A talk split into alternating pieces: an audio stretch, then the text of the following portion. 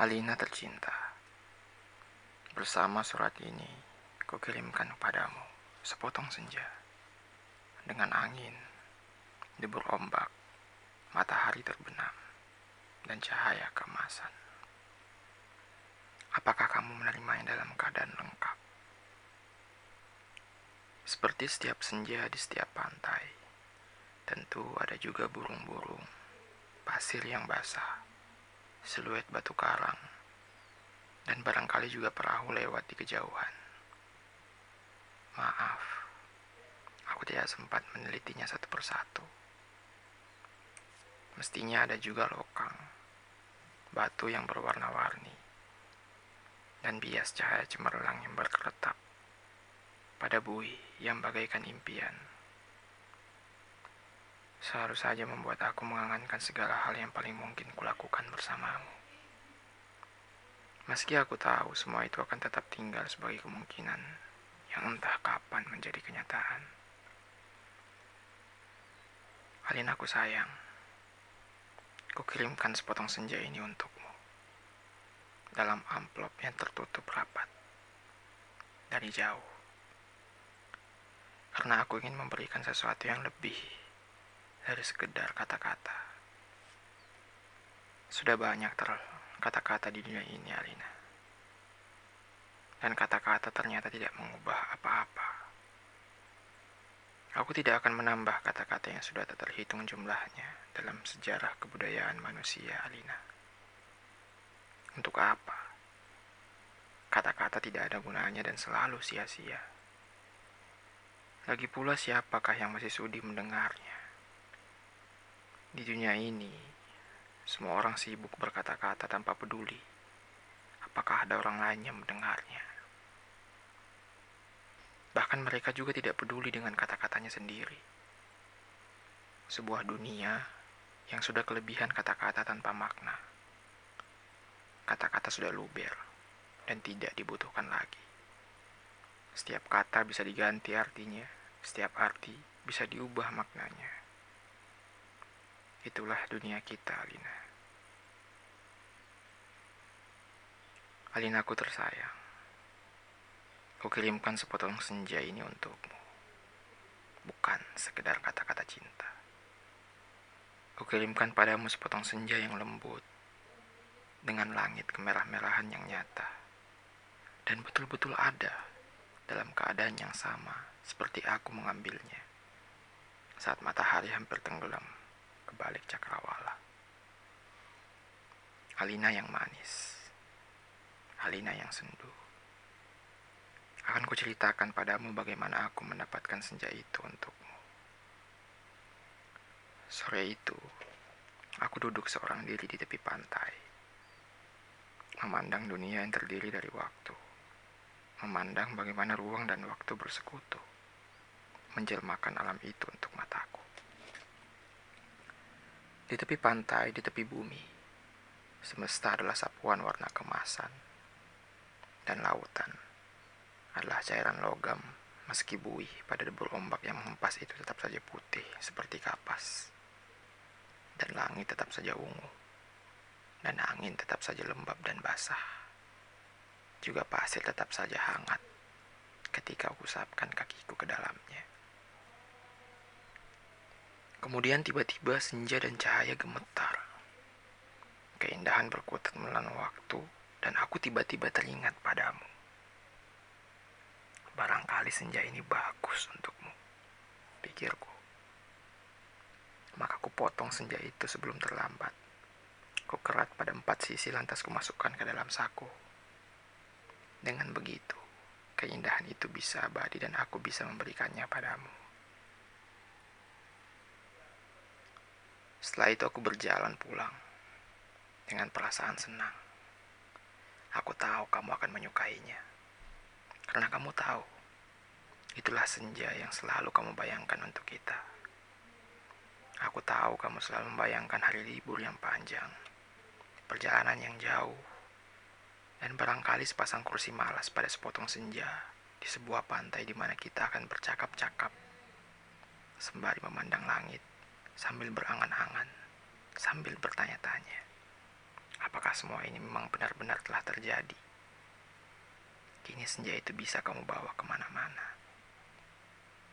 Ketika aku meninggalkan pantai itu, Alina, kulihat orang-orang datang berbondong-bondong. Ternyata mereka menjadi gempar karena senja telah hilang. Kulihat cakrawala itu berlubang sebesar kartu pos. Alina sayang, semua itu telah terjadi. Dan kejadiannya akan tetap seperti itu. Aku telah sampai di mobil ketika di antara kerumunan itu kulihat seseorang menunjuk-nunjuk ke arahku. Dia yang mengambil senja itu. Saya lihat. Dia yang mengambil senja itu. Kulihat orang-orang itu melangkah ke arahku. Melihat gelagat itu aku segera masuk mobil dan tancap gas. Catat nomornya. Catat nomor plat mobilnya. Aku melejit ke jalan raya. Aku kebut mobilku tanpa perasaan panik. Aku sudah berniat memberikan senja itu untukmu dan hanya untukmu saja, Alina. Tak seorang pun boleh mengambilnya dariku. Cahaya senja yang kemasan itu berbinar-binar dalam saku bajuku. Aku tengok cahaya senja itu masih aman. Aku merasa cemas karena meskipun kaca mobilku gelap, tapi cahaya senja itu cukup terang terlihat dari luar. Dan ternyata cahaya senja itu memang menembus segenap cahaya dalam mobilku. Sehingga mobilku itu meluncur dengan nyala cemerlang ke aspal maupun ke angkasa. Bahkan dari radio yang kustel pun aku tahu. Berita tentang hilangnya senja telah tersebar ke mana-mana. Dari televisi dalam mobil bahkan kulihat potretku sudah terpampang. Aduh, baru hilang satu senja sudah paniknya seperti itu. Apa tidak bisa menunggu sampai besok, pikirku. Bagaimana kalau setiap orang mengambil senja untuk pacarnya masing-masing? Barangkali memang sudah waktunya dibuat senja tiruan yang bisa dijual di toko-toko. Dikemas dalam kantong plastik dan dijual di kaki lima.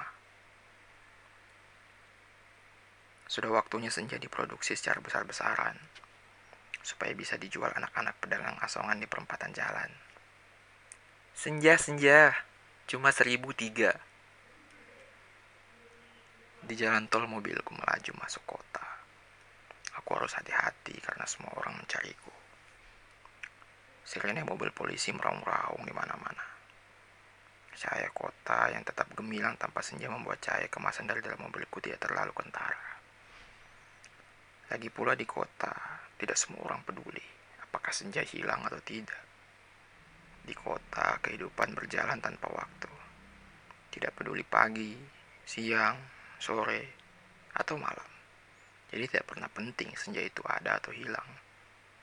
Senja cuma penting untuk turis yang suka memotret matahari terbenam boleh jadi hanya demi alasan itulah.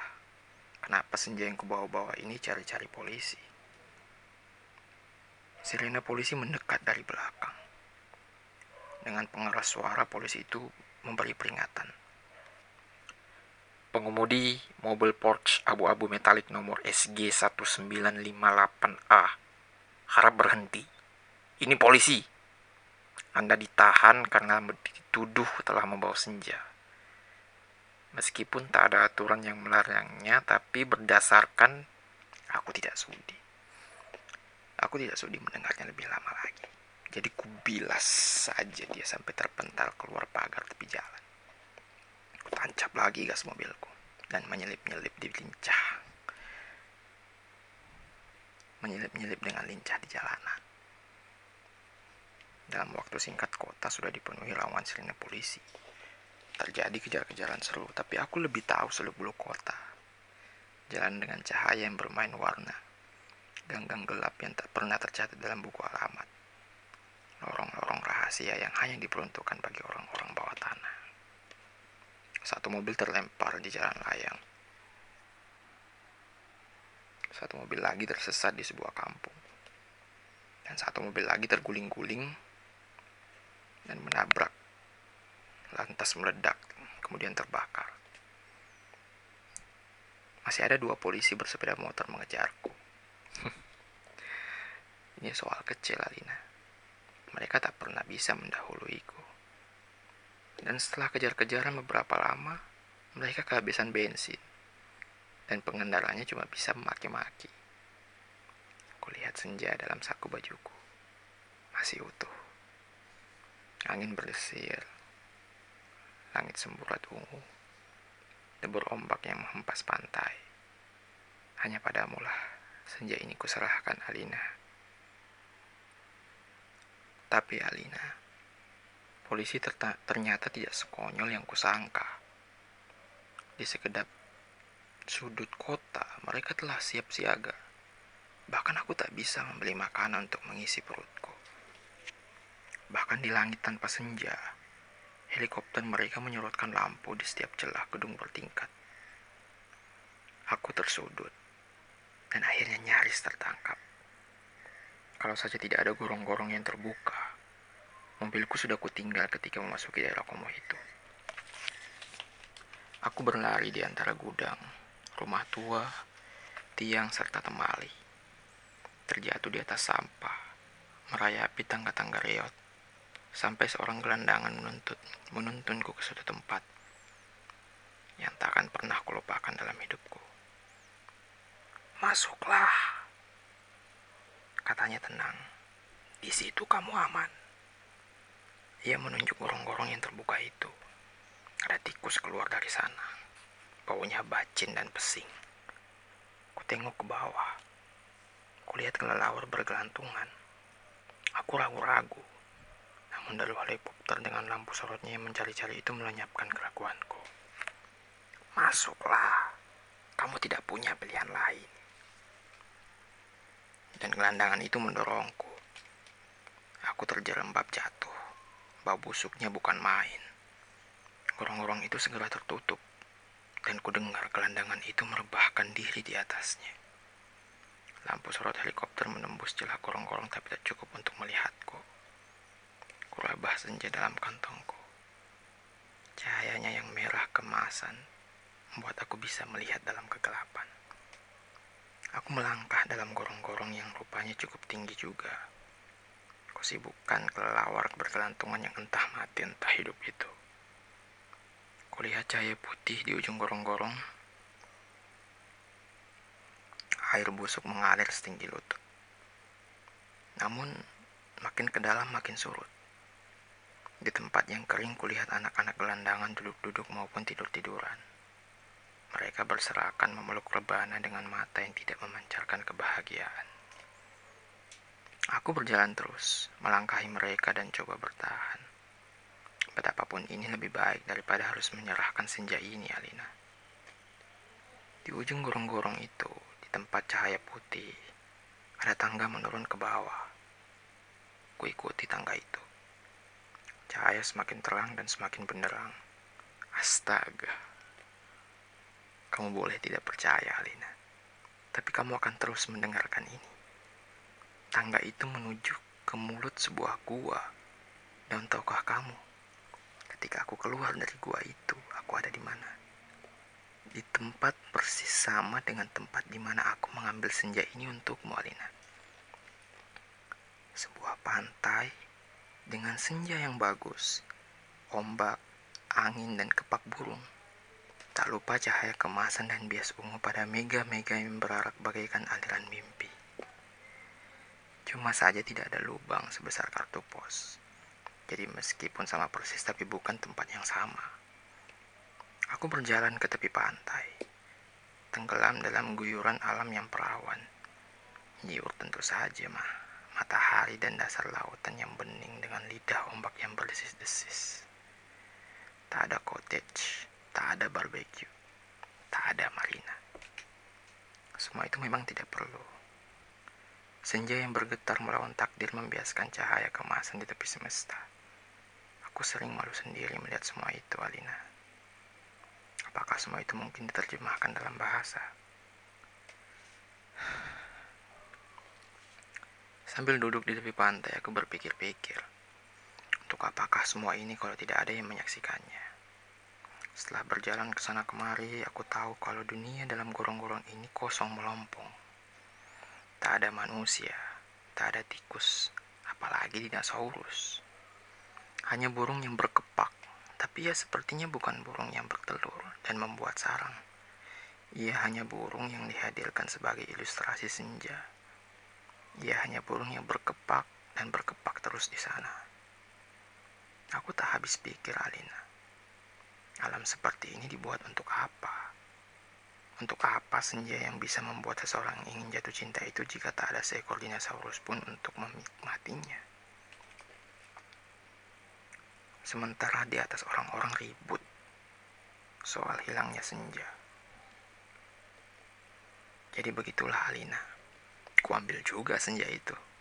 Kukerat dengan pisau Swiss yang selalu kubawa ke mana-mana. Kukerat pada empat sisinya sehingga pada cakrawala itu berbentuk lubang sebesar kartu pos. Dengan dua senja di satu kiri, dengan dua senja di saku kiri dan kanan aku melangkah pulang. Bumi berhenti beredar di belakangku, menjadi kegelapan yang basah dan bacin. Aku mendaki tangga kembali menuju gorong-gorong bumiku terkasih. Sesampainya di atas, setelah melewati kelelawar bergantungan, anak-anak gelandangan berkaparan dan air setinggi lutut. Kulihat polisi-polisi helikopter itu sudah pergi. Gelandangannya menolongku sedang tiduran di bawah tiang listrik sambil meniup saksofon. Aku berjalan mencari mobilku. Masih terparkir dengan baik di supermarket. Nampaknya bahkan baru saja dicuci.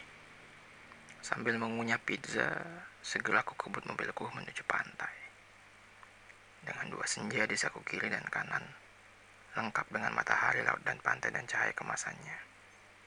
Mobilku bagi memancarkan cahaya ilahi. Sepanjang jalan layang, sepanjang jalan tol, ku tancap gas dengan kecepatan penuh.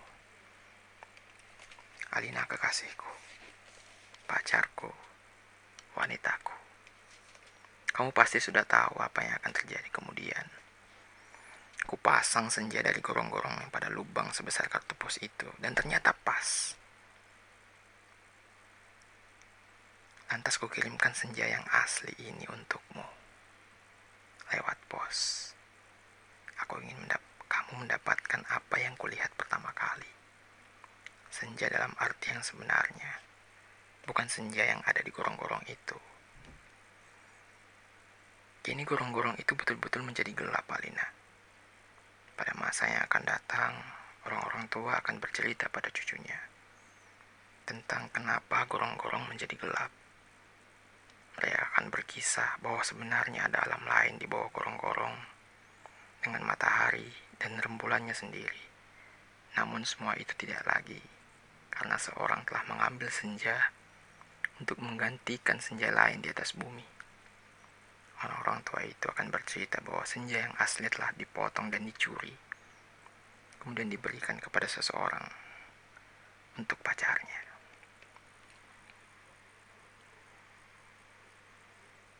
Alina yang manis, paling manis, dan akan selalu manis. Terimalah sepotong senja itu hanya untukmu, dari seorang yang ingin membahagiakanmu. Awas hati-hati dengan lautan dan matahari itu. Salah-salah cahayanya bisa membakar langit. Dan kalau tumpah, airnya bisa airnya bisa membanjiri permukaan bumi. Dengan ini juga aku kirimkan pula kerinduanku kepadamu. Dengan cium, peluk, dan bisikan terhangat dari sebuah tempat yang paling suci dan sunyi di dunia.